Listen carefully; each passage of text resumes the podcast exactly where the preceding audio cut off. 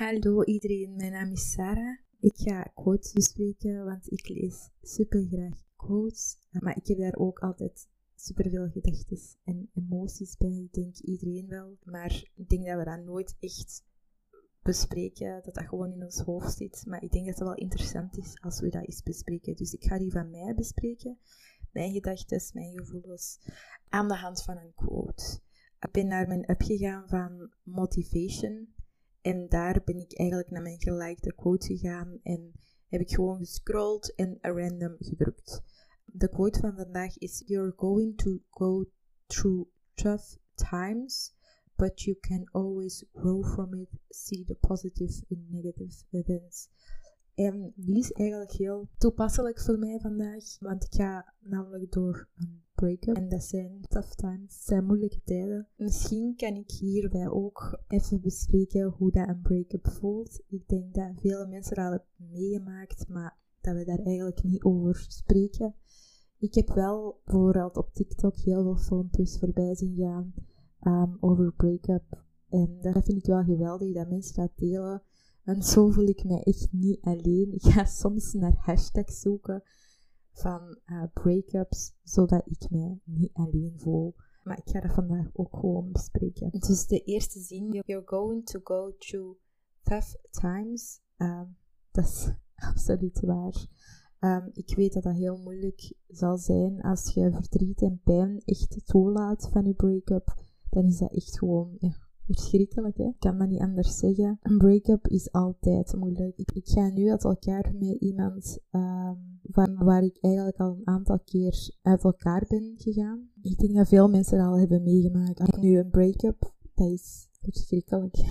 Ik ga dat proberen om zo goed mogelijk te beschrijven. Je kunt niet eten. Hoewel, je kunt wel eten, maar tuurlijk kunt je eten. Maar alles wat je eet, dat is gewoon te veel. Er is echt alsof er iets op je maag zit en alles wat je erbij propt, want dat is echt het proppen dat je doet, um, is gewoon te veel. Um, dus je kunt niet eten.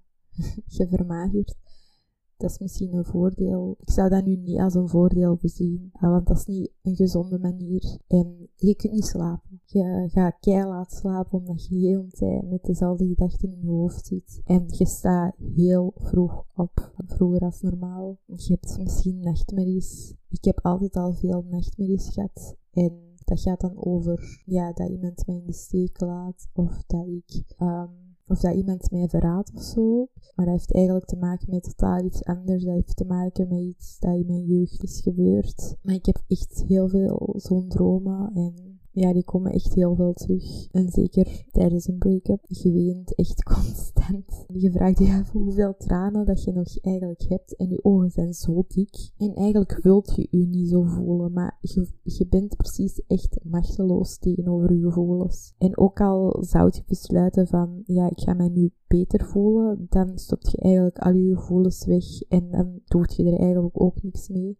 En dat lijkt mij dan ook niet super gezond. Maar natuurlijk moet je wel manieren vinden om jezelf gelukkig te maken. Ik denk dat dat altijd belangrijk is. Wat gebeurt er nog tijdens een break-up? Ja, je voelt je fysiek ook echt heel zwak. Je voelt je niet sterk. Je zou eigenlijk heel de dag in je bed willen liggen en niks doen. Je snapt op dat moment niet waarom dat de wereld nog doorgaat. Je snapt niet waarom dat, dat, dat kan. Waarom dat je, en dat klinkt heel depressief, maar zo is het ook. Je voelt je ook heel depressief. En misschien is dat niet voor iedereen zo, maar als je die pijn echt toelaat, dan is dat gewoon echt heel zwaar. Ik heb echt geen andere woorden dan dat gewoon moeilijke tijden zijn en dat het echt heel zwaar is. En uh, een break-up mag gerust serieuzer worden, vind ik. Wat ik ook nog wil zeggen is dat een break-up, het is niet dat je zelfmoordgedachten hebt per se, of dat je denkt van, ah, ik, ik ga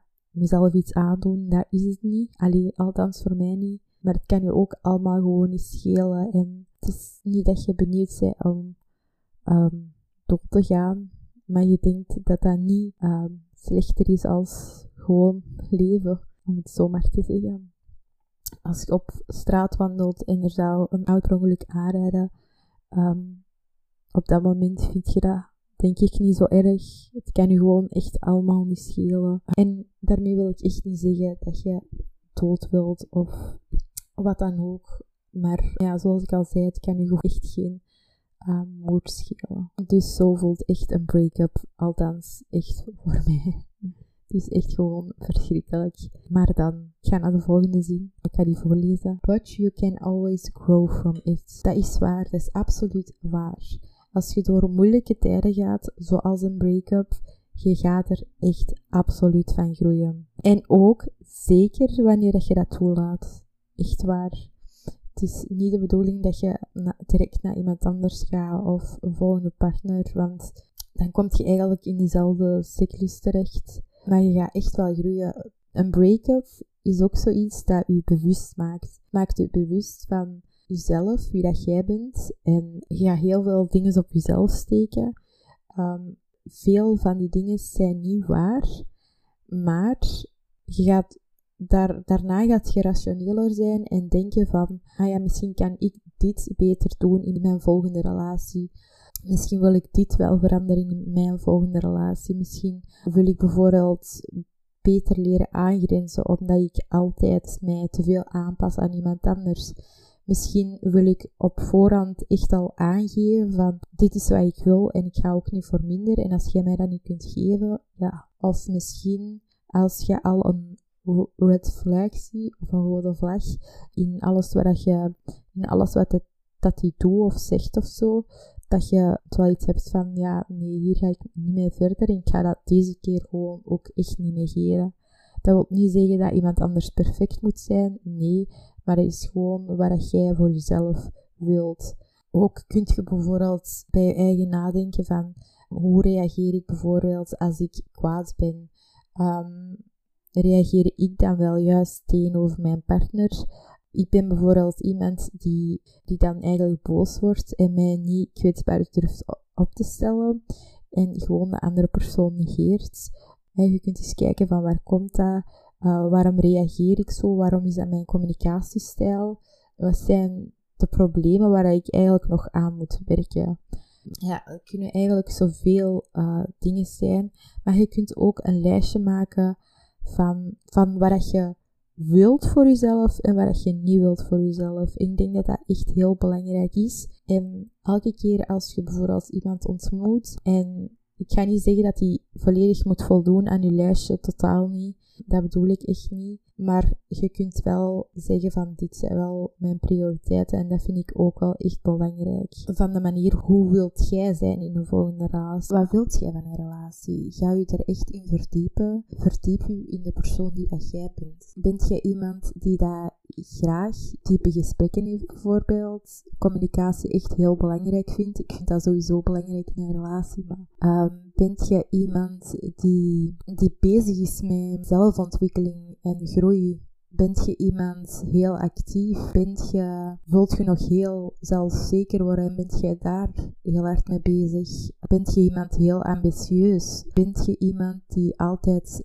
heel eerlijk is. Zijn er bepaalde dingen waar je aan wilt werken ook? Bent je iemand die juist helemaal niet bezig is met groei of emotionele groei? Of bent je iemand heel avontuurlijk? Wat het ook mag zijn, probeer om daar rekening mee te houden in je volgende relatie. Leer jezelf vooral kennen en leer een ander goed. Er moet gewoon genoeg ruimte zijn voor jezelf. Voor de dingen die dat jij echt wilt, waar jij gelukkig van wordt. Van de persoon die dat je zij, is daar genoeg ruimte voor. En houd daar echt uh, rekening mee. Zo, daarom is het echt belangrijk dat je jezelf leert kennen. Pas je niet volledig aan aan iemand anders, omdat jij uh, bang bent misschien om jezelf te leren kennen, of omdat je twijfels hebt, of omdat je onzeker bent. Nee, je bent het waard om graag gezien te worden, om de persoon die dat je zei, die dat jij graag wilt worden. Als iemand u dat niet kan geven, dan is dat heel jammer, maar dan is dat ook niet de juiste persoon voor u. Je hoort uzelf echt graag te zien. Je hoort uzelf graag te zien. Je moet eerst jezelf graag zien voordat je iemand anders graag kunt zien. En je gaat dat echt merken. Bijvoorbeeld, uh, de eerste keer dat wij uit elkaar gingen, toen lag ik echt in de knoop met mezelf. En toen wist ik het helemaal niet meer. Ik was echt in de war. Ehm, maar toen ging ik echt op zoek naar mezelf. Ik ben naar een therapeut gegaan om mij te helpen. Ik ben gezonder gaan eten, gaan drinken. Ik ben gaan sporten. Ik ben boeken gaan lezen, omdat ik wist dat ik zoveel problemen had met mijn onzekerheid. En ik ben ook echt iemand die dat diepgaande dingen echt interessant vindt. En dat heb ik echt ontdekt. En toen wij terug samen waren, liet hij uitschijnen dat hij dat ook wou.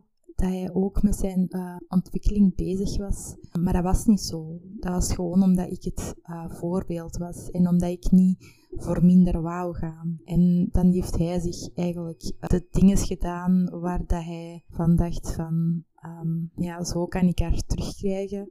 Zo kan ik de gelukkige Sarah krijgen. En ik was ook gelukkig. Ik was super gelukkig omdat ik mijn waarde terug leerde ontdekken. En, en, toen dat ik terug in die relatie ging en uh, naarmate dat de maanden voorbij gingen en zelfs een jaar, je merkt dat en je voelt dat echt in die relatie dat er iets niet klopt en dat er dingen niet juist zijn. Je, vanaf dat je bezig bent met je eigen waarde en dat je echt voelt van ik zie mezelf graag en, en, ik ben echt waard om graag te zien. Dat gevoel dat is echt fantastisch. En als je dat niet kunt vinden in je relatie, als er geen ruimte voor is, dan mis je echt iets. En je voelt dat echt gewoon, je voelt dat gewoon super.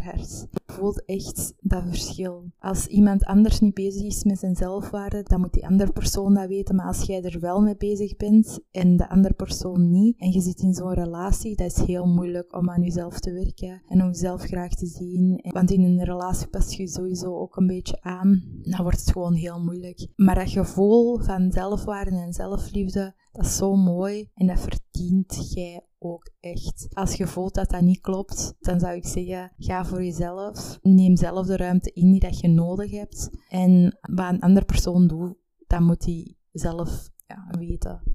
Je kunt zo snel jezelf verliezen en jezelf waardig kwijtspelen. Omdat zelf het inzicht niet heeft van um, jezelf eerst graag te zien en dan iemand anders graag te kunnen zien. Dus dat is echt ook niet oké als je daarin... Uh, in meega eigenlijk. En wat ik echt wil benadrukken is dat je echt, echt, echt zult groeien na een moeilijke periode. Dat is echt, ik ben zo hard gegroeid toen bij mijn eerste break-up. Dat was echt uh, zalig eigenlijk. Ik was echt mijn zelfwaarde aan het terugvinden.